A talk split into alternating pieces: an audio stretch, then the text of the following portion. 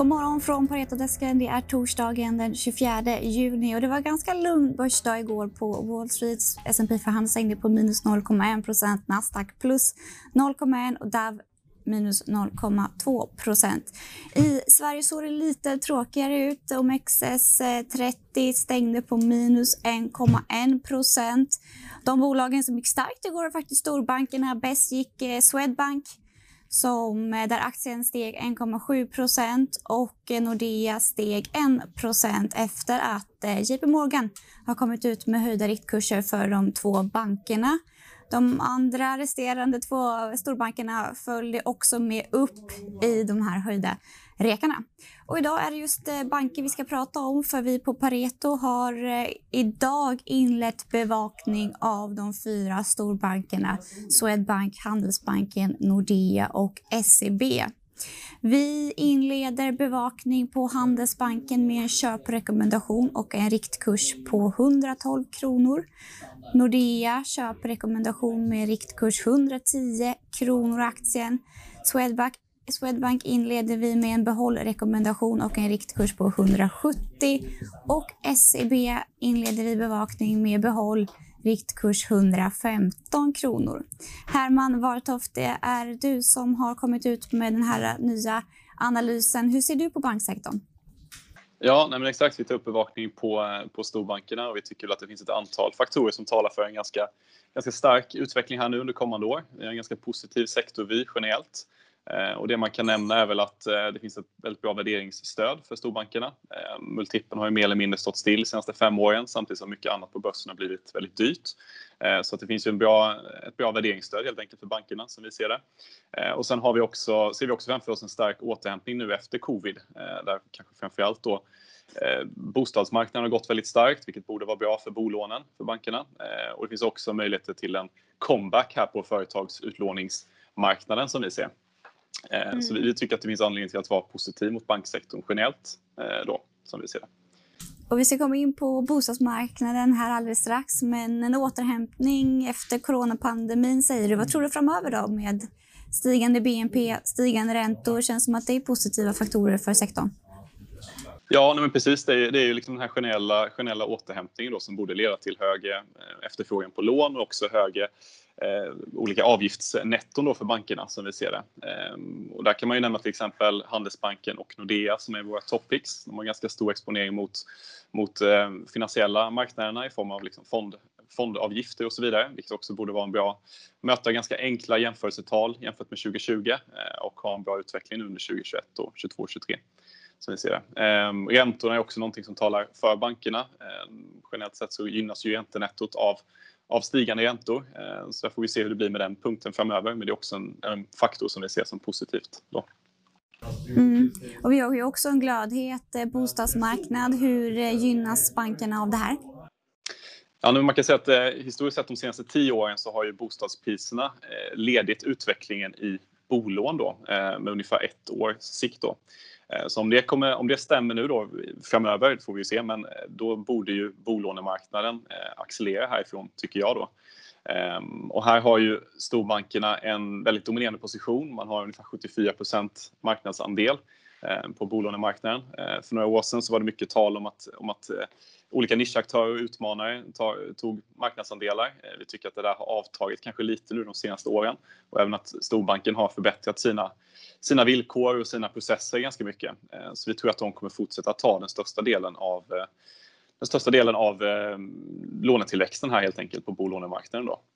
Eh, så det är någonting som vi ser som positivt. Eh, att, ja, jag tror det finns bra förutsättningar för en stark bolånemarknad framöver. Eh, och där är framförallt Swedbank och Handelsbanken är stor, har en stor exponering mot just de just, just den sektorn. Och många köper ju bankerna för just utdelningar och utdelningarna har ju pausats lite nu under coronapandemin. Hur kommunicerar bankerna framåt om, om utdelningar? Ja, men precis. Utdelningen är ju en stor del till varför man kanske är intresserad av bankaktier. Eh, och generellt sett kan man säga att kapitaliseringen för bankerna har ju stärkts avsevärt nu under, under coronapandemin. Dels så har ju utvecklingen rent fundamentalt kanske varit lite bättre än vad man trodde när, när pandemin eh, kom in eller sköljde in över oss kan man säga. Ehm, och sen har också de legala kraven sänkts från olika myndigheters håll då för att just lätta på på, ja, lätta på kreditförsörjning helt enkelt i samhället. Ehm, så det gör att bankerna just nu sitter på väldigt stora kapitalbuffrar mot deras legala krav. Ehm, vi gör ju en eh, vi har gjort en liksom känslighetsanalys kring det här där vi antar att kapitalkraven kommer komma tillbaka eh, upp igen då till nivåer som liknar de som var före pandemin. Eh, men då ser vi ändå att, att bankerna kommer ha väldigt stora, stora utdelningsmöjligheter eh, och kanske störst möjligheter har väl Nordea och SEB som vi ser det.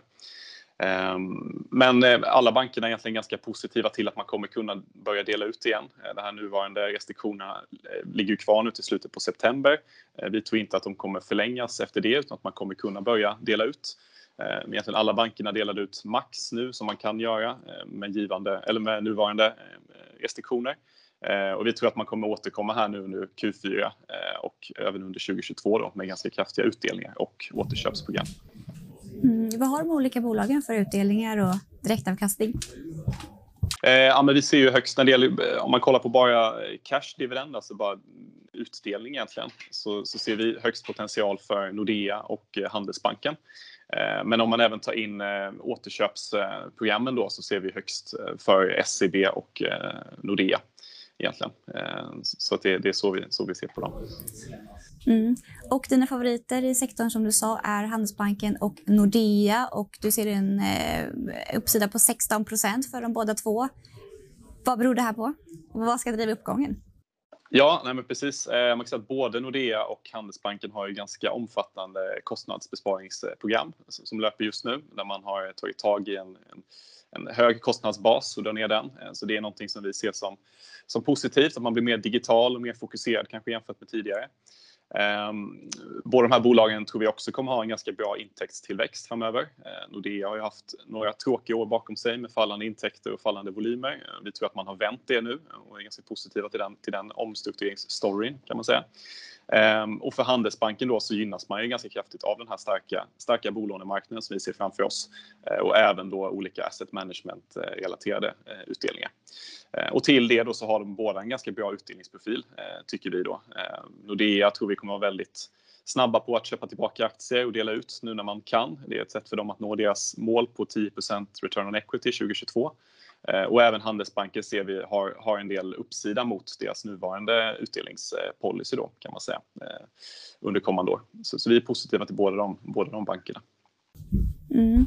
Och eh, bankerna har ju förekommit i media en hel del de senaste åren i form av olika penningtvättsskandaler och liknande. Vad finns det för risker i banksektorn och hur bedömer du riskerna just nu? Ja, nej men precis. Det är ju, eh, penningtvätt är ju en liksom, konstant närvarande risk. Det var ju inte någonting som var unikt för Swedbank på något sätt när det uppdagades här 2019. Eh, men det är ju någonting som har lett till eh, ganska mycket, tagit mycket fokus som vi förstår det från Swedbanks ledning och eh, liksom, styrelse. Man har tappat, tappat en del marknadsandelar inom bolån till exempel, vilket förmodligen delvis har att göra, göra med detta. Då. Och det har också lett till att, till att man har behövt anställa och, och liksom öka kostnadsbasen för att hantera de här problemen och etablera bättre processer. Så det finns en del olika risker förknippat till just det. Då. Så det är någonting man alltid, alltid ska ha med sig. Eh, andra risker som vi ser det är väl att, att eh, coronapandemin att den skulle komma tillbaka, att det skulle bli mycket mer eh, sämre, sämre återhämtningsfas än vad man har trott nu, nu under kommande år. Att, att, och I ett sådant scenario skulle kanske de här utdelningsrestriktionerna bli förlängda. Vi tycker inte det finns jättemycket som talar för det just nu, men det är också en risk. Och sen en sista risk skulle jag säga är väl generellt sett bostadsmarknaden då som är ganska, ganska het just nu. Där får man också se hur den kommer utvecklas efter efter pandemin här nu. Eh, vi tror väl inte på något stort eh, prisfall kanske inom just bostadsmarknaden, men, eh, men ja, det är väl också en, en risk då potentiellt. Ja, tack så jättemycket Herman. Ja, tack själv. Och tack så mycket för att ni har lyssnat idag och den här våren. Paretodesken tar nu säsongsuppehåll. Vi är tillbaka igen i augusti. Så passa på att lyssna på Pareto Podcast Sommar under sommaren och så får ni ha en riktigt trevlig sommar.